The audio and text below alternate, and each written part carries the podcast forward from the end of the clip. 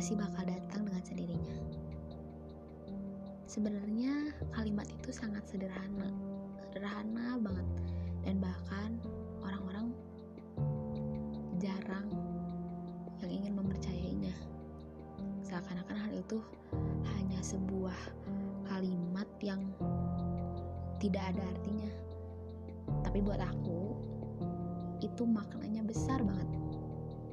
Karena aku selalu yakin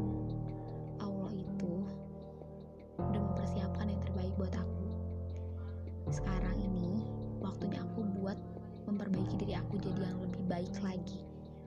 Buat nanti aku bertemu dengan yang terbaik juga di masa depan.